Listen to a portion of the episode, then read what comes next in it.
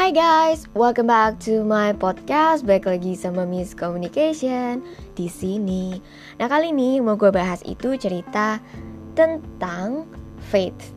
Tapi sebelum itu kita baca dulu masih di bukunya U.S. Anderson yang berjudul Three Magic Words atau tiga um, kata ajaib gitu kan. Dan di sini kita masuk ke chapter 6 yang berjudul faith atau iman. Dan di iman di sini, iman di sini dia tuh jelasin kalau misalnya apa pun yang diterima alam bawah sadar kita sebenarnya adalah keputusan sadarnya kita gitu, keputusan um, ya sadar yang masuk ke alam bawah sadar. Dan yang namanya iman itu tuh penting banget yang di mana iman ini tuh bisa membentuk dan memberikan arahan untuk hidupnya kita apa pun kesimpulan yang kita pikirkan dan itu akhirnya menjadi ya sebuah kenyataan gitu. Karena hukumnya itu hukum alamnya itu ya untuk menjadi apa yang diketahui.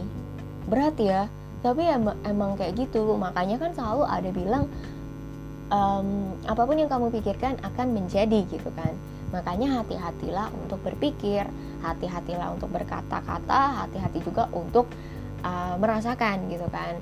Apa yang dipikirkan di otak, kepala, hati dan perkataan itu tuh ya mesti dijaga gitu. Bukan karena itu sembarangan ngomong enggak, tapi ya ini itu kayak satu kesatuan.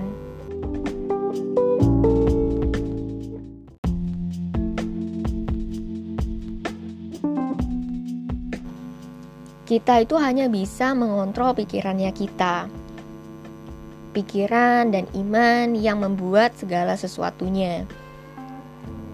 Apa pun yang kita yakini benar, itu yang akan menjadi kenyataan. Tujuannya kita di dalam hidup ini untuk menyediakan pikiran alam bawah sadar kita dengan kesimpulan, tujuan, bahkan juga pengetahuan yang di mana itu tuh area spesifiknya kita gitu. Dan apa yang kita yakini sebagai kebenaran itu yang jadi kenyataan di dalam alam bawah sadar kita, di dalam dunia nyatanya kita.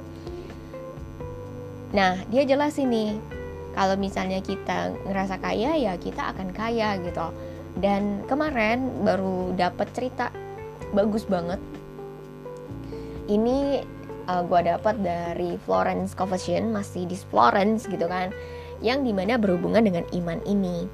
Nah, ceritanya tuh ada orang uh, dia kayak setengah baya gitu, entah setengah baya, entah masih muda, gue lupa. Tapi dia tuh miskin, jadi gelandangan lah, barat kata gitu kan.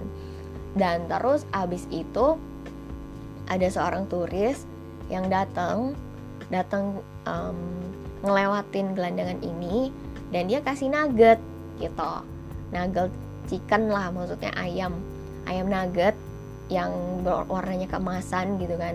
Terus dia kasih ke gelandangan ini sebungkus gitu kan ya. Dia bilang um, hey uh, kamu jual ini nugget ini ya. Nanti kamu bakal kaya kata dia itu gitu. Tapi sama gelandangan ini dia nggak dia nggak jual itu nuggetnya. Dia pulang uh, dan dia ngerasa kaya dengan punya nugget itu. Akhirnya nuggetnya dimasak sama dia. Dimakan gitu kan dan gak lama setelah itu ya dia dapat pekerjaan yang di mana pekerjaannya itu ya bagus dia di bidang itu dan akhirnya dia menjadi kaya gitu. Dan ketika dia menjadi kaya dia um, melakukan hal yang sama juga yang dilakukan turis itu kepada dia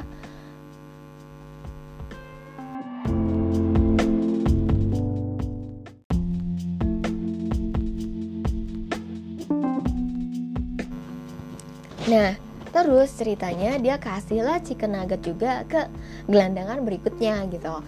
Dia kasih chicken nugget ini sambil ngomong, um, Hey tuan, ini chicken nugget buat kamu, kata dia gitu kan.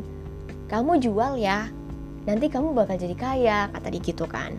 Lalu yang orang kaya ini pergi kan, karena kan dia udah jadi kaya tuh, yang tadinya dia nggak punya apa-apa. Dan gelandangan berikutnya waktu terima chicken nugget itu, dia ngerasa ini tuh kayak apa ya ya kayak chicken nugget biasa gitu. Yang apaan bikin kaya? Enggak nggak bikin kaya gitu. Menurut dia ya biasa aja gitu. Nggak ada rasa dia kaya atau dia bikin atau dia jadiin nugget buat dijual gitu kan. Enggak. Gitu. Bahkan ya yang membuat dia kaya itu akhirnya ya nggak ada gitu. Ayam itu cuma sekedar ayam biasa yang tidak bernilai menurut dia yang cuma mengenyangkan aja. Dan kesimpulannya adalah bukan berarti chicken nugget itu bisa bikin kaya enggak. Atau mengimani chicken nugget itu apa something yang bikin kaya juga enggak. Tapi lebih kepada ketika kita merasakan diri kita kaya itu tuh nggak lama ya juga akan mendatangkan kekayaan gitu terbukti dari ceritanya gelandangan pertama yang di mana dia nggak jual itu chicken nugget dia makan dan dia ya jadi kaya pada akhirnya cuman kapan ya proses gitu kan karena dia juga mengumpulkan kekayaan itu sedikit demi sedikit perlahan demi perlahan dan ini juga yang dijelaskan di iman part 6 ini dari Y.S. Anderson di mana dia bilang nih kalau kita tuh manusia tuh punya iman tuh kecil sebenarnya. Tapi kalau misalnya kita tetap tidak berubah benar-benar fokus sama itu dan benar-benar kita ngerti oh ya ini iman gue walaupun kecil tapi tetap nggak berubah gitu kan. Sampai akhirnya itu terlihat itu adalah iman. Karena hukum kehidupan itu dengan apa yang kita percayai ya kita akan dapatkan kita tuh nggak sendirian sebenarnya di dunia ini. Semua kekuatan itu ada di dalam hati kita gitu di dalam pikirannya kita. Dan kita juga nggak perlu yang namanya uh, perang untuk dapat iman itu kayak struggling gitu kan. Karena yang namanya iman itu akan seperti alami aja seperti kita bernafas aja. Kita nggak perlu uh, prosedur kan untuk tahu caranya bagaimana bernafas dengan baik bagaimana bernafas panjang gitu kan dan yang namanya keadaan ini versus iman, kadang keadaan itu yang tidak bisa membuat iman kita tuh stick gitu loh. Kayak eh, kita ngelihat nih, oh iya, kayak gelandangan itu misalnya. Gelandangan itu ngelihat keadaan sekitarnya dia nggak punya rumah, dia um, kerjaan nggak ada, tunawisma gitu kan. Tapi ketika dia punya iman yang walaupun waktu itu kecil karena chicken nugget aja gitu kan, tapi dia, dia tetap fokus kan karena dia punya rasa bahwa dia bisa jadi kaya dan dia akhirnya beneran jadi kaya gitu. Dan di sini tuh contoh di mana ketika kita punya iman itu ya kita harus bumbui gitu. Harus yakini benar bahwa ini adalah untuk saya gitu. Tapi balik lagi. Maksudnya ketika kita yakini itu benar untuk kita kita juga harus cari tahu nih kira-kira Tuhan beneran apa namanya mau aku seperti ini nggak? Kayaknya seperti ini nggak? Gitu. Jangan sampai nanti kecewa gitu kan? Karena mungkin yang terbaik untuk kita belum tentu yang terbaik untuk Tuhan gitu. Karena kan Tuhan itu sebagai pencipta dan Tuhan tuh tahu kita tuh diciptakan untuk apa dan kita perlu tanya Tuhan Tuhan mau aku diciptakan untuk apa? Jangan sampai imannya salah gitu kan. Oke iman salah misalnya imannya uh, yang jelek-jelek mikirnya itu salah. Itu iman yang digunakan untuk um, arah yang sebaliknya gitu. Tapi kalau misalnya iman digunakan untuk arah yang benar kita tahu itu benar itu baik tapi tanya lagi ke Tuhan gitu. Ini kira-kira segini udah oke okay belum karena aku maunya yang cukup aja jangan terlalu berlebih jangan terlalu kurang gitu kan. Yang cukup yang sebatasnya kita. Kayak masalah juga ketika kita punya masalah itu tuh tidak akan lebih dari kemampuannya kita. Yang maksudnya pas cukup gitu. Masalah itu datang kita tuh sebenarnya udah punya solusinya tapi pertanyaannya kita percaya apa enggak gitu. Sama kemampuannya diri kita karena kadang kita ngerasa aduh kok dunia jahat banget sih kejam banget sih nggak ada banget sih. Tuhan juga mana? Katanya adil. Kok buktinya ini masalah gue tuh besar banget kayak kayak eh, nggak uh, kelar kelar gitu loh. Ya makanya kan it depends on what you're thinking gitu. Kalau misalnya kita mikirnya nggak kelar-kelar ya nggak akan kelar-kelar gitu. Tapi kalau misalnya kita mau berpikir lebih uh, kecil gitu kan da dalam artian nih masalahnya besar nih. Kita berpikir sedikit. Maksudnya dalam artian bukan berarti nggak mikirin gitu kan. Kita berpikir caranya gimana masalah besar itu jadi kecil. Dan berpikir besar untuk yang kecil dalam artian ketika masalah itu jadi kecil kita memaksimalkan bagaimana caranya solusinya bisa lebih besar daripada masalah ini. Karena ini sebenarnya hal yang um, sederhana yang di mana ya teori itu berlaku di sini cuman prakteknya kan kita perlu efisiensi kan latihan. Dan solusinya perlu difilter apakah efektif apa enggak gitu. Karena kalau misalnya enggak efektif ya kita perlu cari solusi lain lagi gitu. Jangan berfokus pada besarnya masalah tapi berfokuslah pada besarnya solusi yang bisa dikasih atau diberikan dikontribusikan untuk masalah yang besar itu gitu. Dan di sini iman juga berlaku untuk melihat apakah kita bisa dan mampu menghadapi masalah yang kita punya dalam hidup, atau bahkan pemikiran kita yang mengingini sesuatu dalam hidup kita, dan segala sesuatu di dunia ini selalu ingat apa yang memang untuk kita itu tidak akan pernah untuk orang lain.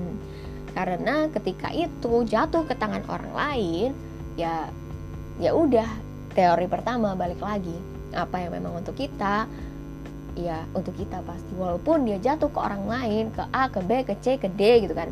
Tapi kalau misalnya memang itu untuk kita itu akan jadi gilirannya kita gitu. Tapi balik lagi ya gilirannya kita ketika itu memang untuk kita. Dan mungkin bahkan lebih baik lagi gitu.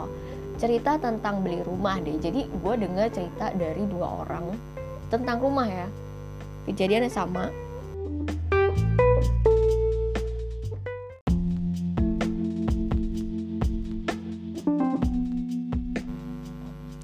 ada uh, yang satu namanya John Gray yang dua namanya Joel Austin kan. Mereka berdua sama mau beli rumah gitu. Oh uh, anaknya John Gray juga sama. Itu dia mau beli rumah juga. Dan oh uh, no, no, no, dua aja deh anaknya John Gray sama Joel Austin. Jadi si pertama tuh anaknya John Gray dulu kan mau beli rumah. Nah terus abis itu um, John kayaknya bilang ke anaknya kamu perlu cari tahu kamu pengen rumah seperti apa gitu kan. Terus abis itu ya udah cari gitu kan. A misalnya ke rumah A oh kurang cocok. B kurang cocok. C kurang cocok. D kurang cocok. Tapi kurang cocok kan tahu alasannya apa gitu kan. Terus abis itu nanti kamu uh, tahu cocoknya ini nggak cocoknya ini cocoknya ini nggak cocoknya ini terus gitu kan. Sampai akhirnya kamu nemu yang cocok gitu tujuannya itu dan apa ya bilang kayak ya itu good gitu loh biar kita bisa filtering. Sampai akhirnya kita yakin ini yang cocok. Nah sebaliknya kalau cerita Joel Austin itu lebih ke arah face gitu kan. Jadi dia udah nemu rumah yang cocok gitu. Dan ketika nemu rumah yang cocok ini dia ngerasa kayak itu tuh untuk dia gitu. Dia amini bener-bener dia pengen itu rumah dia doakan. Dia bahkan sampai apa ya sampai nawar lebih untuk uang itu maksudnya untuk uang beli rumah itu kan. Karena suka banget gitu kan. Dia berdoa dia doakan rumah itu. Tapi gak dapet dapet. Bahkan akhirnya dijual ke orang lain. Bayangin. Sedih banget kan pasti. Ketika dia mengimani itu rumah untuk dia dia doakan rumah itu untuk dia eh malah jatuh ke tangan orang lain. Gitu dia kecewa dia bertanya-tanya Tuhan kenapa itu bukan buat gue itu tuh sesuai banget sama yang gue mau katanya gitu. Tapi kadangan ketika kita berpikir itu baik untuk kita belum tentu itu baik buat kita. Ternyata Tuhan sudah mempersiapkan something yang much better gitu yang lebih baik lagi daripada rumah yang dia doakan itu. Bahkan jauh lebih murah gitu. Sebenarnya ya itu penghiburan banget buat Joel Austin. Dia juga cerita kalau misalnya kejadian ini tuh mengajarkan dia sesuatu bahwa sebenarnya apa yang memang untuk kita itu tuh yang terbaik buat kita. Itu nggak akan jatuh ke mana-mana.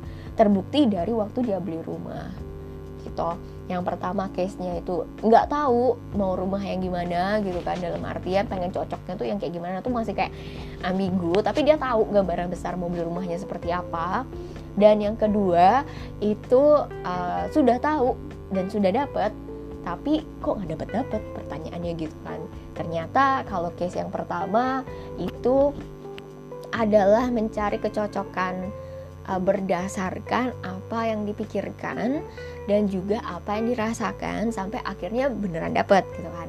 Terus yang kedua itu case-nya adalah iman yang di mana dia mengimani iman yang ternyata barang itu bukan buat dia. Sampai akhirnya barang yang benar-benar terbaik itu buat dia dengan harga yang jauh lebih murah. Dibilang tuh kayak gitu. Dan di sini ya gue nangkap satu hal yang namanya iman dan memang itu untuk kita itu nggak akan ya ke mana-mana. Ya kita mau jungkir balik nangis buat dapetin itu. Lah kalau misalnya ternyata ada yang lebih baik untuk kita ya are you sure mau cry gitu mau nangis untuk kedapet yang ini? Padahal yang baik itu tuh ada di depan yang lagi nunggu kita ngelepasin yang ini buat dapet yang itu gitu. Dan iman ini tuh berperan penting karena ketika kita mempercayai sesuatu ya itu akan terjadi kan. Termasuk juga apa yang kita takutkan dan apa yang kita yakini benar. Makanya very very be careful kenapa positive thinking itu tetap harus bahkan setiap hari dilatih karena itu yang akan membuat kita merubah hidupnya kita cepat atau lambat.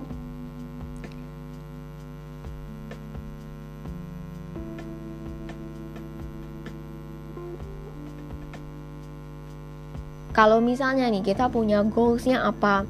Terus kita punya kepercayaan apa? Orang kiri kanan ngelihatnya apa? Bilangnya apa? Itu nggak cocok lah apalah apalah. Kita doakan. Kita minta um, Tuhan memberikan ya pertanda jalan. Kalau misalnya memang untuk kita ya itu nggak akan ke mana-mana gitu kan. Dan percayalah segala sesuatu yang datang itu pasti adalah yang terbaik. Ya memang reflectionsnya uh, dari kita gitu. The world is a reflection of ourselves. Jadi dunia itu tuh uh, kacanya kita dan kita yang perlu cari tahu yang benar-benar memang untuk kita tuh apa. Jangan pernah um, apa ya berpikir yang kecil dibesar-besarkan gitu. Jadi masalah kecil dibesar-besarkan. Atau bahkan uh, dihiperbolakan gitu. Lebih baik menghiperbolakan ke apa ya uh, jasa orang lain sekecil apa pun jasa itu. Karena itu adalah sebuah bantuan di mana itu ya tetap jasa. Mau jasanya kecil mau jasanya besar itu ya tetap jasa gitu. Tapi kalau misalnya masalah yang dibesar-besarkan orang pun akan kesel liatnya gitu. Tapi kalau jasa kita bayangkan bukan kita mau membeli orang itu dengan pujian enggak. Tapi itu lebih tepatnya ketika kita ingin membesarkan sesuatu pilihlah mana yang baik gitu. Kalau kita membesarkan jasa orang lain orang ini tuh merasa dihargai gitu. Tapi kalau misalnya kita ngomong mengecilkan jasa orang ini orang ini merasa ya nggak dihargai. Contohnya aja ya contoh misalnya waktu itu uh, ada seorang teman yang butuh dana pinjaman dia pinjemin gitu kan. Terus kejadiannya temennya ini nagih gitu kan. Mana pinjaman lo yang kemarin? Soalnya gue butuh nih. Eh taunya dibalikin tapi temennya yang ngoceh. Alah baru pinjam seuang segitu aja udah ditagi-tagi gitu kan. Nah akhirnya apa? Padahal waktu dia lagi butuh bantuan diberikan itu kan malah nggak dihargai gitu kan akhirnya jasanya nggak dihargai. Menurut kalian apakah orang ini akan membantu lagi? Nanti gitu. Kemungkinan besar enggak kan? Kenapa?